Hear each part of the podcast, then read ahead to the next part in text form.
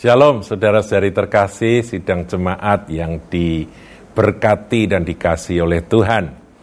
Saudaraku, kita akan lanjutkan tentang topik orang benar.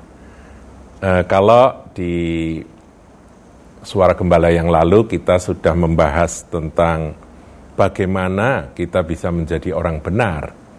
Ya, sudah panjang lebar e, di, dijelaskan sekarang kita akan belajar apa janji Tuhan di dalam firman mengenai orang benar tersebut.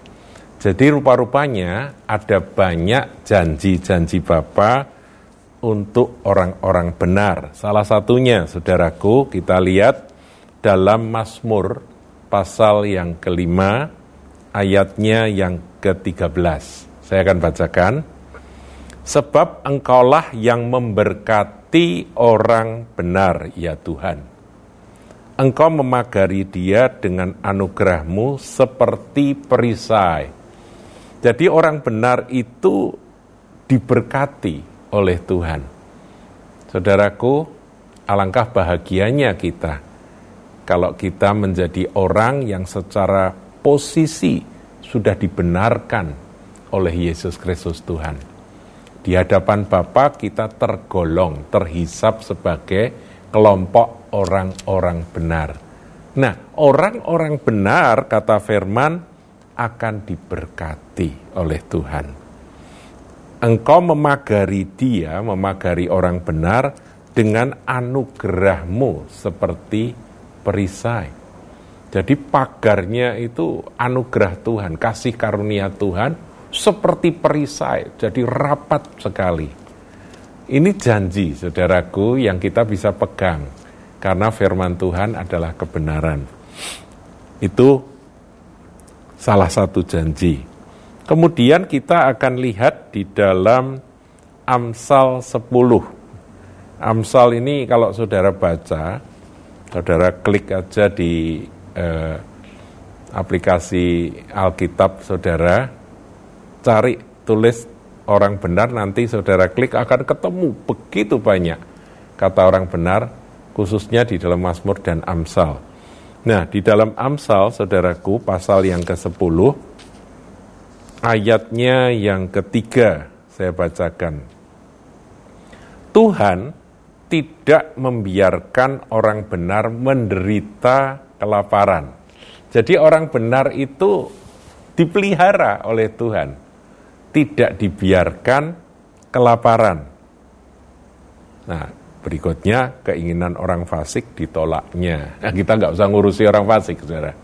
Kita percaya bahwa kalau kita ini menjadi orang benar di mata Tuhan, maka dia tidak akan membiarkan kita kelaparan. Di masa kekeringan, masa pandemi yang berdampak resesi, di mana fakta yang harus kita hadapi adalah kesulitan di dalam mencari nafkah, Tuhan menjamin berjanji tidak akan membiarkan orang benar menderita kelaparan. Saudaraku, ada saat-saat di mana Tuhan menguji. Nggak ada uang, nggak ada kiriman makanan, ya. Kemudian eh, kita harus berdoa ya. Nah, itu puasa yang Tuhan izinkan model begitu itu biasanya pengalamannya luar biasa. Saya pernah membaca saudara buku yang berjudul Yerusalem Memanggilku. Itu adalah riwayat dari seorang wanita yang luar biasa namanya Lydia Prince. Nah, Lydia ini dipanggil Tuhan dari negerinya di Denmark, dia berangkat ke Yerusalem di tahun 30-an, saudara.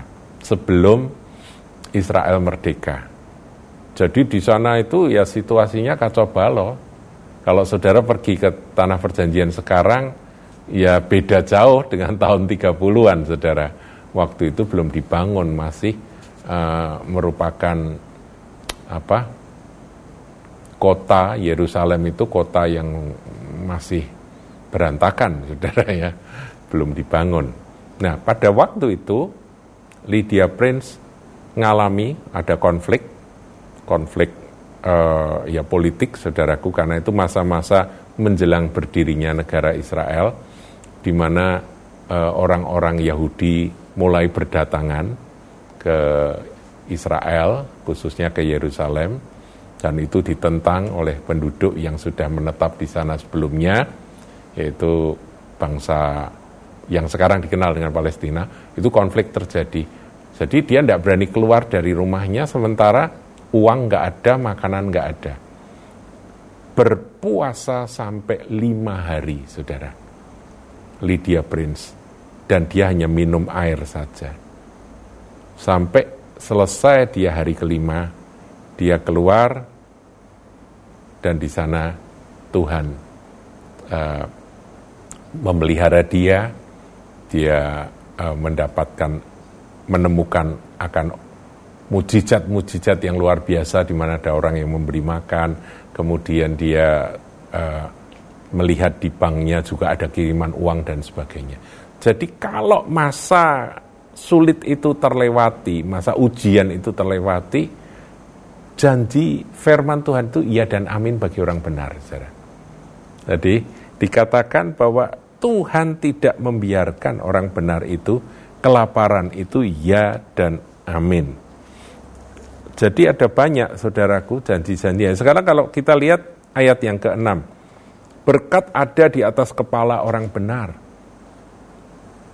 Jadi orang benar itu diberkati oleh Tuhan. Nggak usah dikhawatirkan, saudaraku. Kalau Anda menjadi orang benar, maka ada berkat yang akan menyertai saudara. Tetapi pertanyaan, nah ini yang sering kali menjadi menjadi apa tanda tanya bagi orang-orang Kristen yang belum mendalam, yaitu apakah orang benar itu nggak pernah mengalami kesulitan? Nah ternyata jawabannya ada di dalam Alkitab, saudara. Coba kita lihat um, Mazmur 34 ya, Mazmur 34 ayat yang ke 20. Ini mengejutkan, saudara, ini ayat terkenal. Bunyinya demikian. Kemalangan orang benar banyak. Loh, orang benar kok malang? Mestinya kan mujur, saudaraku ya. Tapi ternyata ada ayat yang berbunyi kemalangan orang benar banyak. Saya ingin sampaikan saudaraku bahwa tidak semua orang benar menggenapi ayat ini. Tapi kalau ada orang yang tahu bahwa dia adalah orang benar, dia hidup di dalam Tuhan, dan dia pun mentaati akan perintah-perintah Tuhan, dia adalah orang benar yang takut akan Tuhan. Tapi kalau dia ditimpa kemalangan, barangkali dia sedang menggenapi satu ayat ini.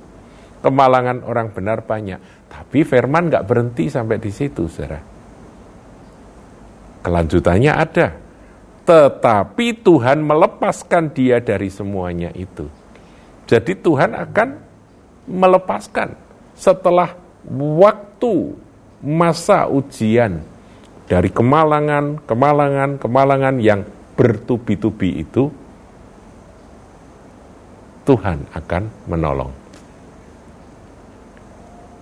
Haleluya, saudaraku, kita bisa berpegang teguh kepada janji-janji firman Tuhan. Jadi, orang benar itu bisa ditimpa kemalangan, bahkan tidak sedikit kemalangan yang menimpa dia.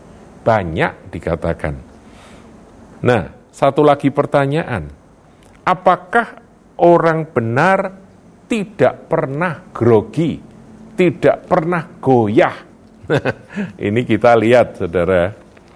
Mazmur 55. Firman Tuhan ini kalau diselidiki, wah kaya sekali dengan pelajaran-pelajaran. Dan ini pelajaran kehidupan, saudaraku ya.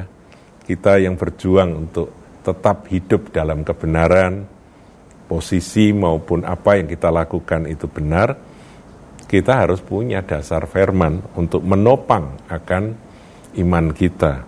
Mazmur 55 ayat yang ke-23. Serahkanlah kuatirmu kepada Tuhan.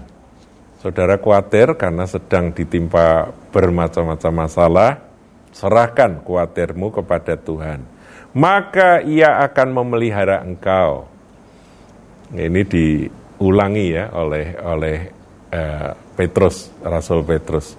Ayat ini ditulis lagi dalam surat Petrus.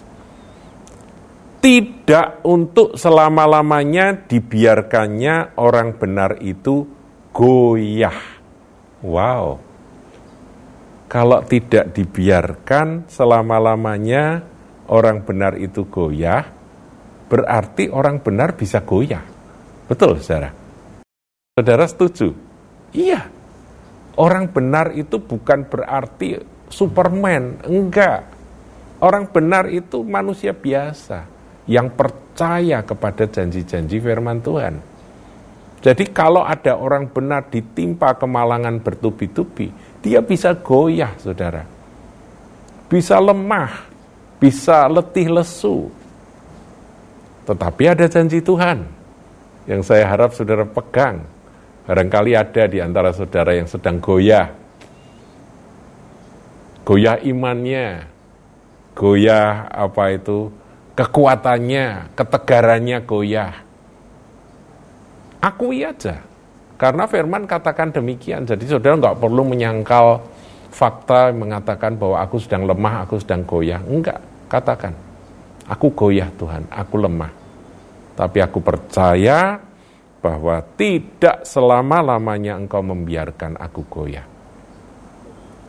Karena engkau akan menopang aku dan engkau akan mengangkat aku kembali. Seperti ada satu ayat tambahan, saudaraku ya.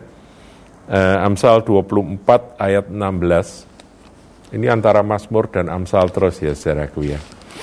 Amsal 24 ayat yang ke-16.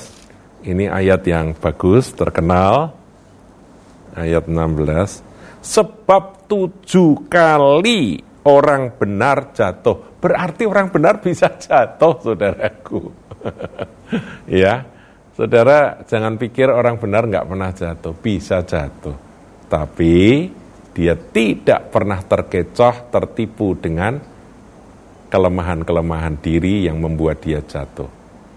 Firman ini katakan sebab tujuh kali orang benar jatuh, namun ia bangun kembali jatuh dalam bisnis, jatuh di dalam uh, apa saja saudaraku. Dia terpuruk.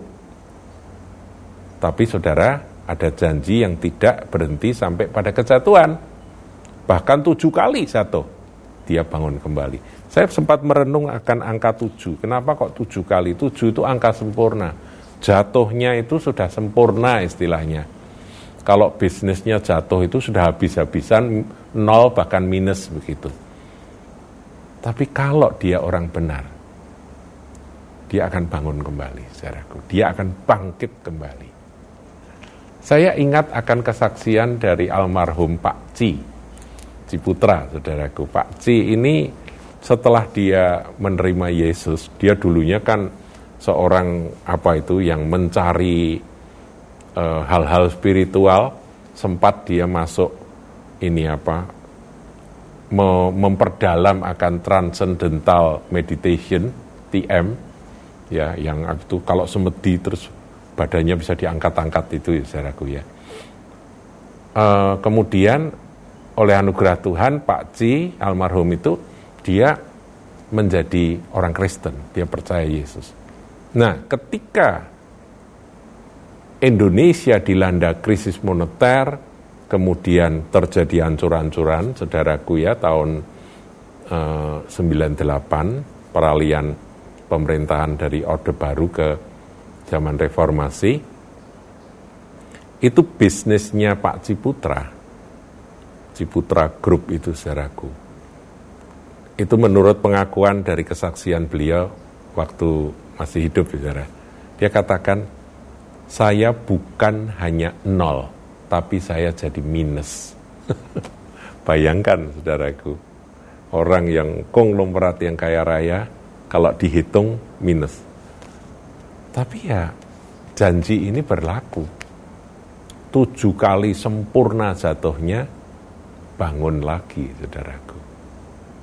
Dan di akhir hidupnya, posisi dari bisnisnya sudah oke, okay, sudah kembali berdiri. Jadi saudara, janji Tuhan ya dan amin. Pegang kuat-kuat, pegang teguh-teguh, orang benar dipelihara oleh Tuhan, disertai dan diberkatinya. Tuhan Yesus memberkati.